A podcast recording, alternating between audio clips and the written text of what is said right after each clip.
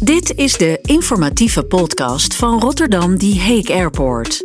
Alles over hoe de luchtvaart denkt over duurzamer worden en innovatie. Met Michelle Samson. Welkom bij de tweede podcast van Rotterdam Die Hague Airport. In deze serie gaan we het hebben over duurzame luchtvaart. Mijn naam is Michelle Samson en ik ben duurzaamheidsmanager van Rotterdam Die Hague Airport. Voor regionale luchthavens is elektrisch vliegen heel belangrijk. En dat heeft te maken met niet per se die uitstoot, maar heeft te maken met het feit dat er een heel nieuw businessmodel achter zit. Waardoor je tussen kleinere luchthavens binnen Europa point-to-point veel meer kan vliegen. Dit is de Rotterdam Die Hague Airport podcast.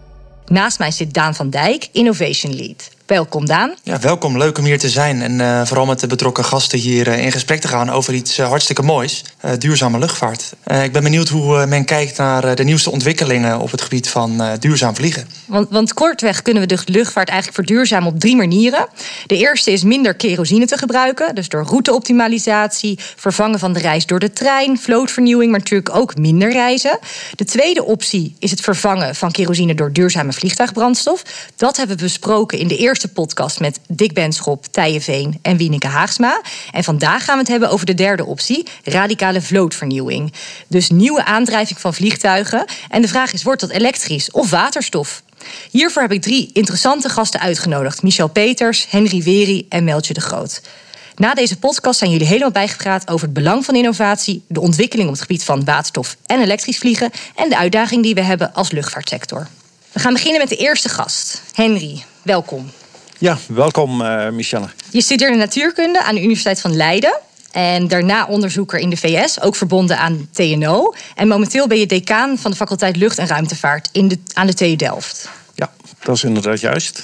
En om gelijk maar te beginnen, ik vind het altijd heel knap. Uh, professoren kunnen hele ingewikkelde materie simpel uitleggen. En dat lijkt me ook heel handig voor dit onderwerp. Als we het namelijk hebben over elektrisch of waterstof vliegen, dan is dat niet zo simpel. Nee, dat uh, ben ik helemaal met je eens. Uh, het is niet elektrisch of waterstof. Waterstof gaat heel goed gepaard met uh, elektrisch ook. Misvatting is dat elektrisch eigenlijk altijd gebaseerd is op batterijen. Maar je kunt ook waterstof als een energiedrager gebruiken, waarbij je de waterstof weer omzet in elektriciteit. En daar kun je ook elektromotoren mee aandrijven. Dus elektrisch vliegen kan batterijen en of waterstof zijn. Kijk, dat is gelijk goed, goed om te weten. En welke van deze twee vormen is nou eigenlijk de meest duurzame? Dat hangt er een beetje vanaf uh, over welk uh, bereik je praat. Als je uh, denkt over de hoeveelheid energie die je nodig hebt, waarbij ik uitga van, van groene uh, elektriciteit. Hè, dat moet het startpunt mm -hmm. van alles zijn. Uh, en je kijkt naar de hoeveelheid uh, of het percentage dat je om kunt zetten in voortstuwingskracht. Dan zijn batterijen geweldig. Hè. Een merendeel van de energie die je opslaat, krijg je ook weer terug. Dat heeft een efficiency in de orde van 80 procent. Mm Dus daar waar het kan, zou ik zeggen, zijn batterijen geweldig. Batterijen hebben echter een beperking en dat is het gewicht. De energiedichtheid is een uh, belangrijke factor. Maar ook, maar dat is een ander uh, topic, uh, de, ja, het aantal keren dat je ze kunt herladen. Zeg maar. Dat is voor een business case relevant. Ga je naar wat grotere afstanden, dan kun je bijvoorbeeld kijken naar waterstof als een energiedrager. Hè, waarbij je elektriciteit omzet in waterstof. Uh, dat waterstof moet je mee aan boord nemen. De gedachte is dat we dat vloeibaar doen. Dat is bij temperaturen van 253 graden onder nul. Uh, dat ga je weer omzetten in elektriciteit. En daarmee kun je ook weer een elektromotor uh, aandrijven. Het voordeel van elektrisch is dat je eigenlijk geen uitstoot hebt van CO2. Maar ook geen uitstoot hebt van, van NOx. Watervorming moet je, ja, heb je daar eigenlijk ook nog geen, geen last van.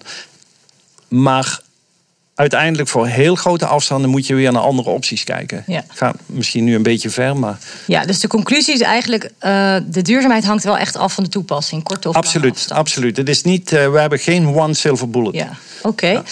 Dan gaan we door met de introductie van onze volgende gast, Michel Peters. Uh, Michel is afgestudeerd aan de Technische Universiteit aan Delft... aan de faculteit Elektrotechniek. En sinds 2010 algemeen directeur van het Koninklijk Nederlands Lucht- en Ruimtevaartcentrum kortweg NLR. In deze functie leidt hij de centrale toegepaste onderzoeksinstelling.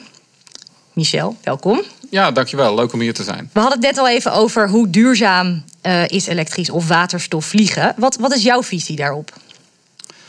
Ehm, ehm, dat kan heel duurzaam zijn. Ehm, wat Henri net, net al zei. kijk, waar we het over hebben. Helaas is het zo tot fossiele brandstoffen, kerosine, hè, zoals we die eh, sinds jaren dag eh, gebruiken, een, een, een, een, ontzettend efficiënt is qua energiedichtheid. Met alle nadelen daarmee uh, gepaard natuurlijk. Hè. Uh, emissies, ja. et cetera. Dat is genoegelijk bekend. Dus we moeten eigenlijk, waar, waar, deze hele discussie over gaat, over duurzaamheid, we moeten een, een alternatief vinden. Een, een duurzaam alternatief voor energiedragers. Uh, daar zijn een uh, drietal mogelijkheden. Dat kunnen jullie uh, al, al, al, vaker kunnen, kunnen horen natuurlijk. Dat kan waterstof zijn, dat kan batterijtechnologie zijn. En last but not least, synthetic aviation fuels. En, en daar is eigenlijk het, het onderzoek, het mondiale onderzoek durf ik, durf ik te bewegen, opgericht. Om, om, dat, om dat voor elkaar, technisch voor elkaar te krijgen tegen, tegen acceptabele kosten. Hè, zo is het ook. En het laatste wat ik nog wil noemen, want we hebben het natuurlijk over duurzaamheid eh, zeer terecht, maar ook met dezelfde veiligheidsnormen zoals we dat gewend zijn. Ja, het allerbelangrijkste ongeveer in luchtvaart. Ja. Oké, en zie je daar dan een verschil ook uh, tussen klimaatneutraal of echt zero emissie? Ja, nou ja, je zegt, je zegt het zelf al een beetje. Hè. Eh, zero emission is, is letterlijk zoals het benoemd wordt. Ik, ik zeg het een beetje gekscherend. Er zit geen uitlaatpijp aan, die, aan, dat, aan dat vliegtuig. Er komt gewoon niks, niks uit. Uh, geen CO2, geen NOx, geen fijnstof of helemaal niets.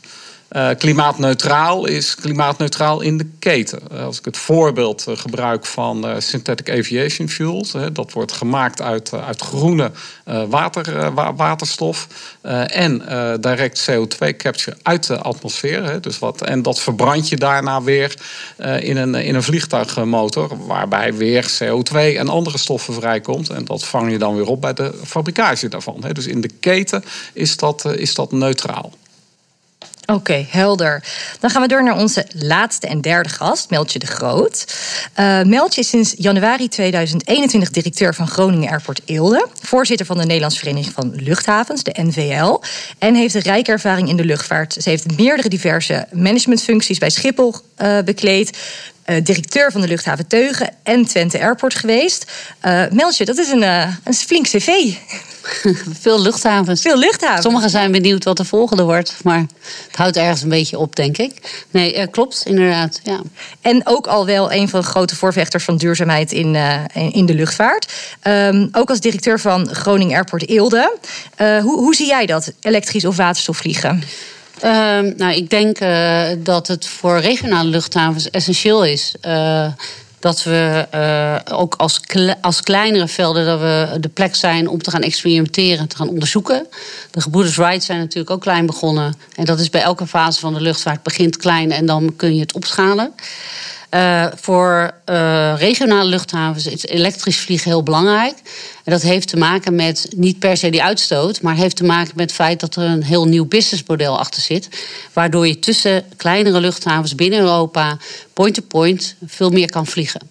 En dat zijn rendabele verbindingen. Er werd net al iets over de kosten gezegd. De kosten zijn lager bij puur elektrisch elektrisch vliegen met een batterij dan, uh, dan de huidige vliegtuigen. Dus dat betekent dat dat voor regionale velden heel belangrijk kan zijn in de ontwikkeling, niet zozeer van de airport op zichzelf, maar van die hele regio. Ja. Dus, technisch gezien zegt nou, het maakt me eigenlijk niet zoveel uit. Maar je ziet vooral de kans voor de nieuwe, de nieuwe verbindingen. Dat is een heel groot voordeel. Voor de regio Groningen is het natuurlijk nog belangrijk om te noemen dat Groningen en Noord-Nederland de Hydrogen Valley is, volgens het uh, belangrijk Europees project. Dat betekent dat wij automatisch de Hydrogen Valley Airport zijn. En wij zullen, en daar zal ik straks nog wat meer over vertellen, we zijn heel druk bezig met een waterstof-ecosysteem. En dat is ook weer belangrijk. Niet zozeer per se voor het vliegen, maar voor de afhandeling van alle materieel. Want wij moeten als luchthavens in 2030 CO2-0 zijn. Maar ook voor de, voor de regio. Als... Leuk, nou daar komen we zo nog wel op terug. Ik wil eerst even kort een rondje maken. Als we nou zeggen waterstof of elektrisch, waar zetten jullie geld op in? Henry, om bij jou te beginnen. Nou, ik zou uh, inzetten op uh, waterstof. En dan waterstof elektrisch, maar ook uh, uiteindelijk waterstof combustion, verbranding, omdat je daar grotere afstanden mee kunt. Oké, okay. waterstof. Waterstof. Meldje. Ja, ik denk een beetje beide. Dat is ook goed dat in mag deze ook, tijd. Ja, dat, uh, waarbij er meerdere ontwikkelingen zijn... waar we nog niet precies weten hoe snel al die ontwikkelingen gaan... hoe zowel ze op dit moment heel snel gaan... moet je beide inzetten. En net zoals ik zei, en ik ben het helemaal met... Uh, met je eens, Henry, dat het voor de lange afstanden uiteindelijk waterstof zal worden. Uh, maar voor de kortere afstanden, zoals ik net ook al zei, binnen Europa tot een afstand van 600 tot 800 kilometer kan, kan elektrisch echt een gamechanger worden. Oké, Michel? Ja, ik, ik, hou het eindpunt uh, altijd graag een beetje in de gaten. En ik denk uiteindelijk wat we willen is uh, zero uh, emission aviation. Dat, dat is de holy grail. Uh, en als je dat zegt, dan, dan, dan uh, gok ik uiteindelijk uh, lange termijn op, op elektrisch. Elektrisch. Nou, anders zou het ook saai worden als het alle drie met elkaar eens zouden zijn. Nou, waterstof elektrisch of batterij elektrisch? Want... Ja, ik denk, nou ja, wederom zero emission. Hè, als je het dan over brandstofcellen hebt, want dat is dan het, het alternatief. Dat, daar, daar, daar stop je lucht in, of eigenlijk de, de zuurstof natuurlijk uit de lucht. Uh, en, uh, en, waterstof. Uh, daar komt elektriciteit uit, dat is precies wat je wil. Maar er komt ook water uit wat je op grote hoogte uitstoot. Dat wordt dan waterdamp. Waterdamp is ook een broeikasgas. En er komt ook een hoop warmte uit. Warmte kan je eventueel dan wel weer gebruiken om de cabine te verwarmen. Dus dat hoeft niet een afvalproduct zijn. En wat, zoals ik het een beetje, beetje zie, is eh, de enige oplossing op lange termijn. Want als je het hebt over de energiedichtheid van de batterij, ben ik het er geheel mee eens. Is, is, is batterijtechnologie eh, de holy grail. En daar moet er nog een hoop gebeuren, technologisch. Dat. Laten we even luisteren naar een video van NLR, waar Dick Benschop en Ron Lauwersen hun visie geven over de toekomst van luchtvaart. Ik vind het geweldig om in Nederland als luchthaven vanuit Schiphol en met Rotterdam en Eindhoven, maar ook met de andere luchthavens, maar ook met alle partners in Nederland, NLR, Delft, de maakindustrie die we hebben, GKN, Fokker, andere bedrijven, om te kijken of wij echt voorop kunnen lopen in de verduurzaming van de luchtvaart. En de bedoeling is dat we in vijf jaar elektrisch vliegen in Nederland mogelijk maken. We horen nu uh, Ron Lauwersen zeggen binnen vijf jaar het elektrisch mogelijk maken. Wat, wat denken jullie daarvan? Is dat mogelijk? Ja, wat, wat Dick er niet bij zegt natuurlijk hoe groot het vliegtuig is en hoe ver die moet vliegen. dus eh, dat kan, eh, dat kan vandaag al. Uh, uh, ik denk dat bekend is dat NLR heeft een, een, een volledig elektrisch vliegtuig gekocht. heeft een Endurance, daar kan je met z'n tweeën in. En dan kan je wel zeggen krap met z'n tweeën, ja, tweeën De elektrische, de pipistrel, de toch? Pipistrel, ja. De pipistrel. En die kan een uur vliegen. En, en in netto operationele tijd is dat eigenlijk maar een half uur. Want we moeten ongeveer een half uur reserve hebben. dus het is behoorlijk beperkt. Maar het, is, het gebeurt al, hè? want dat probeer ik ermee te zeggen. En als je in wereldwijd kijkt, het aantal start-ups in Europa, maar zeker ook in de Verenigde Staten, uh, zijn er zeer veel bedrijven mee bezig om dat op te schalen. Naar grotere vliegtuigen, langere range. Dus heeft dat een toekomst? Jazeker. Daar ben ik van overtuigd. En Henry, je hebt eerder al gezegd, er tegelijk al gezegd uh, van ja, de afstand is het belangrijkste. Je hebt eerder ook aangegeven, nou, 250 kilometer is toch wel echt de max wat we kunnen bereiken met een, uh, met een batterij. Uh, denk je daar nog steeds zo over? Nou, om eerlijk te zijn, de range die je kunt bereiken hangt strikt genomen niet zozeer af van de grootte van het vliegtuig, of het nou een 2 of een 20 zitter is. Dat heeft te maken met het percentage van het gewicht dat in batterijen zit. Dat heeft te maken met de energiedichtheid van, van batterijen. En wat daar een beetje haalbaar lijkt. En ook, nou ja, voorlopig hebben we dat nog niet. Is toch wel uh, voorlopig iets van, van een 250 kilometer. Waarbij je dan ook nog wel enige reserve hebt. Ja, daar kun je misschien wel trucs voor verzinnen. Dan zou je dat een klein beetje kunnen oprekken. Maar heel veel berekeningen momenteel worden gemaakt met vliegtuigen waarvan meer dan de helft bestaat uit batterijen. Dat is gewoon niet realistisch. En je moet je op een gegeven moment ook afvragen: wat betekent dat dan voor de massa van het vliegtuig per passagier. Hè. Uiteindelijk wil je dingen uh, efficiënt maken per passagierkilometer. Hè. En op het moment dat je ontiegelijk zware vliegtuigen hebt om een paar passagiers te vervoeren, wordt de energie per passagier wordt heel erg hoog. Dus voorlopig uh, blijf ik uh, bij het getal wat ik, wat ik riep. En ik hoop van harte dat er echt verbeteringen in de batterijen komen. Waarbij de experts die ik spreek geen idee hebben hoe ze dat gaan doen. Dat we dat kunnen oprekken, want dat zou ideaal zijn. En Henry, bij jou om de hoek hebben we partijen als een Venturi. Hè? De ambitie ja. om met een 44-zitters elektrisch aangedreven toestel te gaan vliegen. Hoe kijk jij daarnaar? Nou, ik, ik, ben, ik ben kritisch over de afstanden die, uh, die ze roepen. Ik wil, ik wil me niet uitlaten over een business case, maar ik zeg altijd: kijk nou even naar welk percentage van het gewicht zit in de batterijen. En dat is vrij hoog, kan ik je verzekeren. Het is ook een zwaar vliegtuig voor relatief uh, weinig passagiers. Je moet ook uh, zorgen dat het vliegtuig heel erg efficiënt is. Hè. Wat ook de range bepaalt, is hoe aerodynamisch is je vliegtuig. En daar geldt lift over drag, dat is een getal. Het is eigenlijk een gelijkgetal. Bij zweefvliegtuigen kennen we dat heel goed. En dat, uh, dat willen we omhoog krijgen. Dus ik, ik vind het optimistische getallen, laat ik okay. het zo maar even zeggen. Okay. De business case, dat werd net al terecht gezegd, meld je. Daar heb jij he hele ideeën over.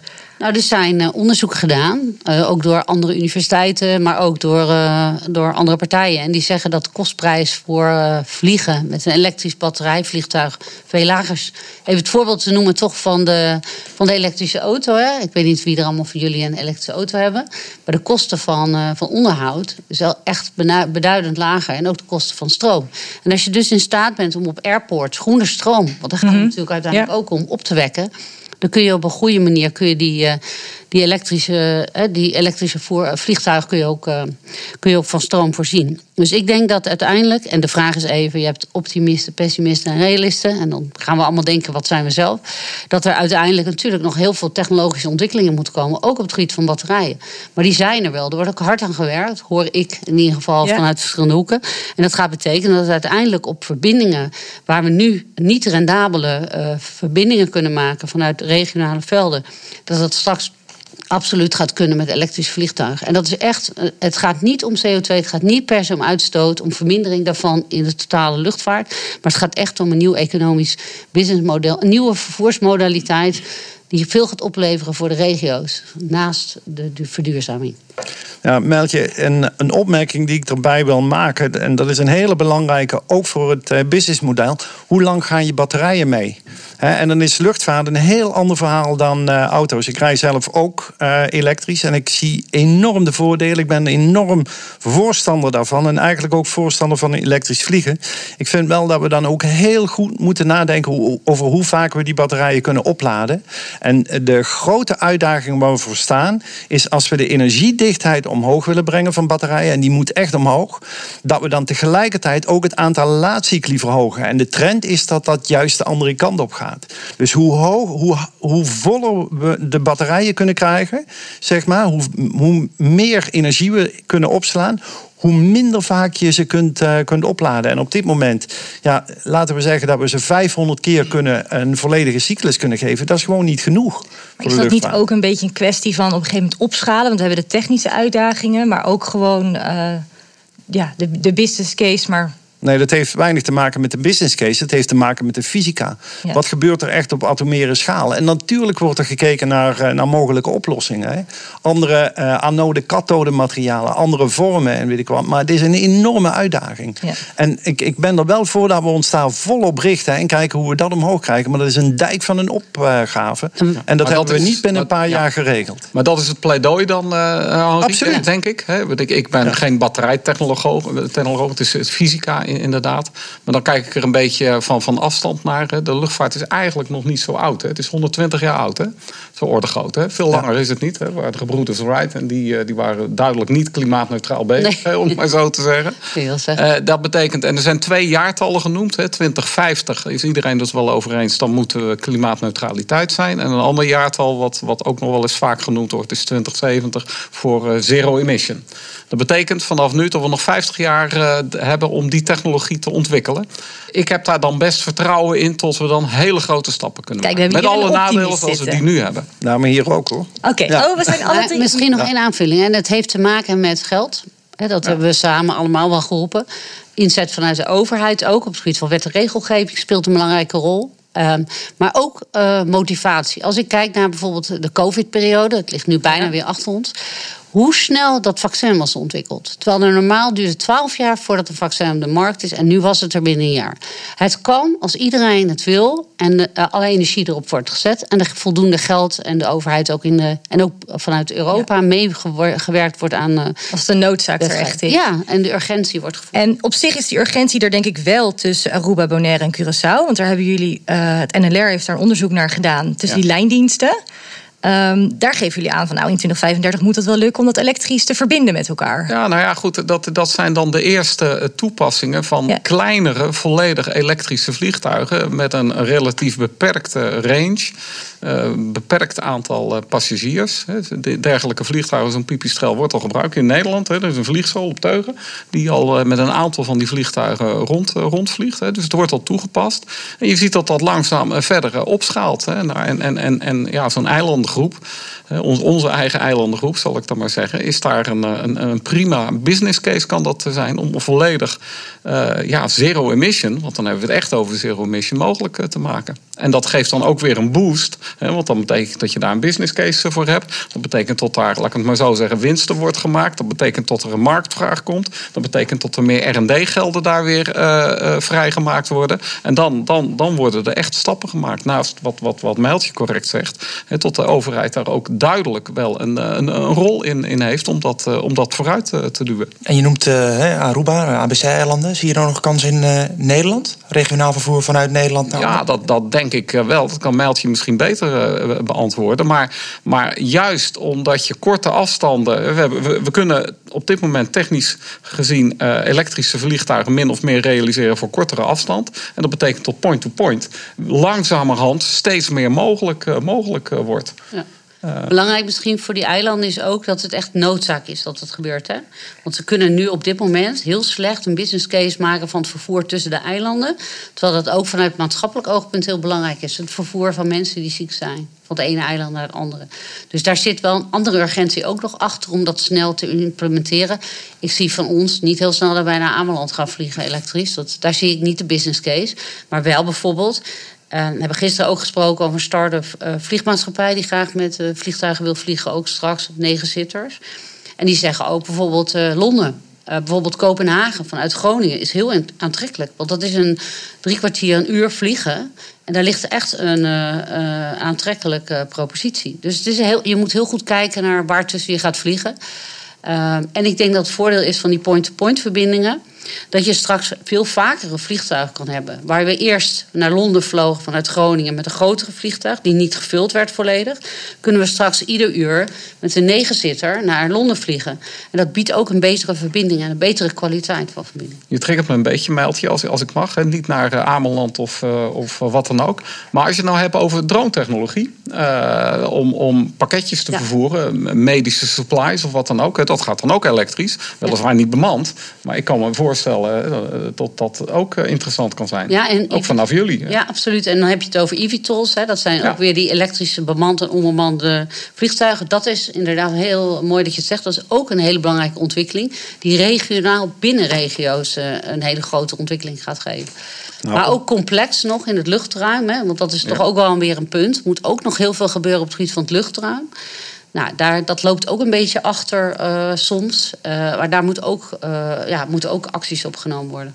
Klein onbemand heeft natuurlijk de voordelen dat je geen piloot hebt. Dus je kunt het gewicht gebruiken voor andere nuttige dingen of voor uh, voortstuwingen. Ja. Maar ja. dat ook helpt dan ook weer natuurlijk tot er uh, veel gebruik van gemaakt gaat worden. Hè? Dus tot er ook marktvraag komt. En als de marktvraag komt, dan komen de ontwikkelingen, ik wil nou niet zeggen vanzelf, maar dat, uh, dat heeft dan wel een aanjagende werking. Absoluut. Ze moeten gewoon doen. We beginnen ja. op de, de, de verbindingen die echt noodzakelijk zijn. En dan is er genoeg RD-budget voor Henry om alle problemen op te lossen met de oplaadbare ja, en, voor, batterijen. en voor het NLR hoop ik. Ja. En voor het NLR natuurlijk. En dit is een probleem uh, wereldwijd, hè, waar we samen aan, aanpakken. Zeker. Ik vind een, een belangrijke opmerking. Hè. Ik kan me voorstellen dat er luisteraars zijn die denken van... goh, uh, nieuw gebruik van uh, luchtvaart gaan we nu juist meer. Wat heel erg belangrijk is, is dat we kijken naar alle modaliteiten voor, voor transport. Hè. Dus wegtransport, trein, lucht. En je moet gewoon per, per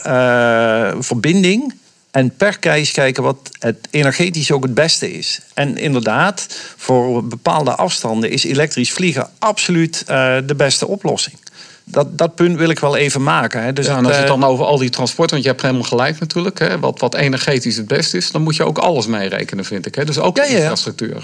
Om dat Maar uiteindelijk is- onderhouden, et cetera. Ja. is dan ook fair, denk ik. Nee, dat, je, je kunt alleen maar naar, naar, het, eh, naar het hele plaatje Ja, kijken. ja. Goed en dat punt. is infrastructuur een hele belangrijke, absoluut. We gaan nu door naar de volgende energiedrager, waterstof. In het televisieprogramma Bright wordt uitgelegd hoe waterstof precies werkt. Niet getreurd, want ook voor de lange afstanden wordt nagedacht over een andere oplossing, namelijk waterstof. Waterstof is namelijk eigenlijk de meest duurzame energiedrager die er is. Je kan het heel makkelijk maken, namelijk door energie toe te voegen aan water en dan splitst dat in waterstof en zuurstof. Als je het vervolgens weer laat reageren met zuurstof, dan wordt het dus weer water. Hartstikke duurzaam. Kan niet beter zou je zeggen, maar het wordt nog mooier, want waterstof heeft ook een hele hoge energiedichtheid. Namelijk 130 megajoule per kilogram. Dat is dus 130 keer zoveel als een batterij en ongeveer drie keer zoveel als de kerosine die we nu gebruiken. Dus waarom vliegen we dan nu nog niet op waterstof? Nou ja, wel een goede vraag. Waarom vliegen we nu nog niet op waterstof? Hendry, mag ik bij jou beginnen? Nou, eh, het, eh, het meenemen van waterstof is wel een, eh, een uitdaging. Wat ik al eerder riep, we, willen, we denken aan waterstof vloeibaar, hè, 253 graden onder nul. Dat is wel iets. Hè. Dus in plaats van kerosine die je gewoon vloeibaar hebt bij kamertemperatuur en normale druk, moeten we nu dingen gaan afkoelen. Dus we krijgen heel andere tanks. Waterstof heeft ook nogal wat eigenschappen die leiden tot bijvoorbeeld degradatie van, eh, van metalen. Dat is iets. En er werd net eh, heel terecht eh, geroepen dat de energiedichtheid van waterstof drie keer zo hoog is als die van kerosine per kilogram. Maar als je kijkt per volume, hè, dus ook, en dat geldt ook voor vloeibaar waterstof, nou, dan ben je pakweg een factor 4 minder gunstig uit. En dat betekent dus dat je veel volume in je vliegtuig nodig hebt. Dat is een uitdaging daar. Wat Henri zegt, eh, dat, dat is helemaal waar. Hè? Het, eh, grote energiedichtheid, mits eh, vloeibaar. Eh, dat betekent nogal wat. Hè? Hoge druk, eh, lage temperatuur. Eh, en dat betekent eh, dat je daar apart ruimte voor moet reserveren in, eh, in, in een vliegtuig. Hè, waar de brandstoffen nu traditiegetrouw in de vleugels kunnen. Hè, eh, moet dat ergens in de cabine eh, zich plaatsvinden. En dat betekent toch dat er forse aanpassingen aan het huidige vliegtuigontwerp moeten. Ik hoor veel uitdagingen. En Ja. hoe kan het dan dat als, als ik hier op de fiets zit, door Rotterdam rij, dat ik een Toyota langs zie rijden of een stadsbus in, in Groningen en die zie ik op waterstof rijden? Ik denk, hé, waarom is dat hier over dat hek bij dat vliegveld niet het geval? Nou, om eerlijk te zijn, in de luchtvaart doen we het ook eh, al. Hè. Op kleinere schaal bijvoorbeeld, eh, zowel bij NLR als ook bij TU Delft, wordt er gewerkt aan, eh, aan drones. Jullie hadden een drone bij NLR. Wij hebben een, een klein vliegtuigtype drone ontwikkeld twee jaar geleden. Het heeft op 90 gram waterstof vier uur gevlogen. Hè, dus het, daar gebeurt het ook. En dan werk je met brandstofcellen. Maar dat is nog steeds iets anders dan echt op grote schaal. En gewichtsissues zijn daar een ding. Hè. Dat, eh, en, en volume eh, is, een, eh, is een punt.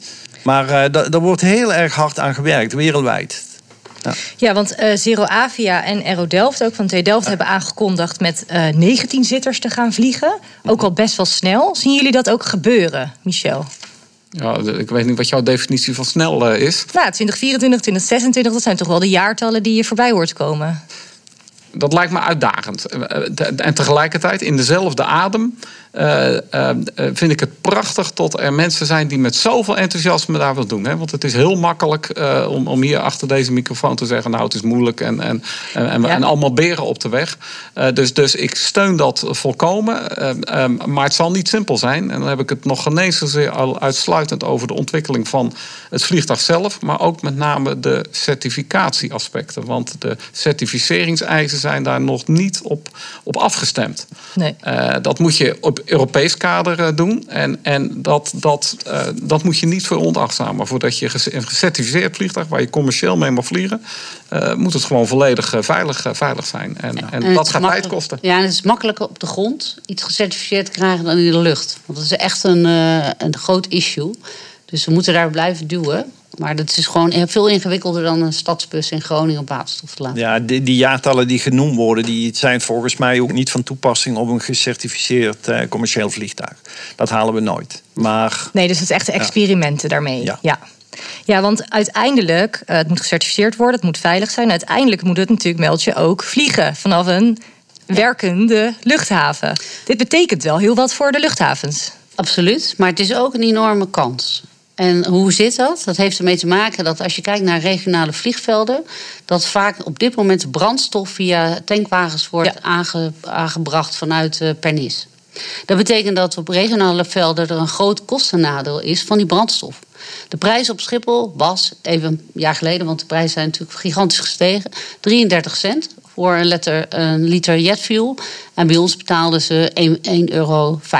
Dus even het verschil aan te geven. Dat heeft, is een concurrentienadeel.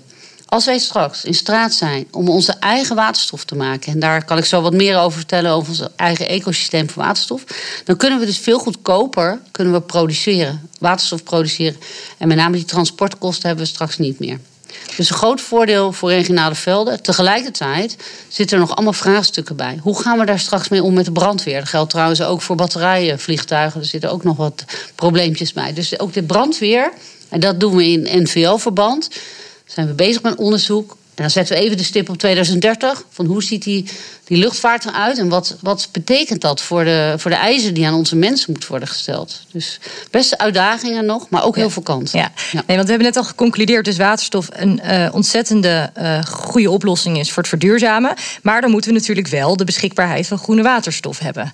Dat is denk ik ook wel een van de uitdagingen. Mels, je vertelde al, jullie hebben dus een, een, uh, een Noord-Nederlands consortium. Waviator, zeg ik het goed? Ja. Ik vind het een hele leuke naam. Uh, en eigenlijk is Groningen Airport Eelde dus de, het middelpunt als in de soort van waterstof valley. Ja, ik zei net al, hè, omdat Noord-Nederland, en dat is heel knap wat er gebeurd is, natuurlijk ook de gasunie heeft daar een belangrijke rol in gespeeld. Die zagen vroegtijdig dat gas ten einde was. En die hebben daar van, de, ja, van die, dat feit hebben ze een kracht gemaakt. Dus er loopt al langere tijd uh, loopt dat hele project in Noord-Nederland. Wordt nu extra op ingezet, ook omdat we af, minder afhankelijk willen zijn van uh, geopolitieke problematiek. We focussen ook heel erg op, uh, op die waterstof, op die regio. Wij vinden als regionaal veld het belangrijk dat we passen in die regio. Dat is ook een van de doelstellingen vanuit de luchtvaartnota. En daarvoor hebben we gezegd, we gaan die waterstof uh, ook op onze luchthaven brengen. En dat doen we door een zonnepark wat er al ligt. Ja. Om dat te koppelen aan die electrolyzer die door dat um, consortium wordt ontwikkeld. Met allemaal Noord-Nederlandse partners zoveel mogelijk. En door uh, straks ook dat aan te sluiten op een waterstoftankstation. Maar we gaan, ook dat, uh, we gaan ook de zuurstof die eruit komt, die gaan we hergebruiken. Want die wordt gebruikt dan door een waterzuiveringsbedrijf wat in de buurt zit. Dus echt heel erg proberen een ecosysteem te bouwen wat opschaalbaar is straks ook naar grotere luchthavens. Klinkt, uh, klinkt allemaal fantastisch. En het is dus bij elkaar 21 megawatt, klopt dat? Ja. Is dat, is, Henry, is dat genoeg? Nou, het is uh, hartstikke goed om daarmee dingen te demonstreren. Maar als je kijkt wat we echt nodig hebben, ja, dan met alle respect, dan is het alleen al voor Nederland een factor 500 te weinig. Hè?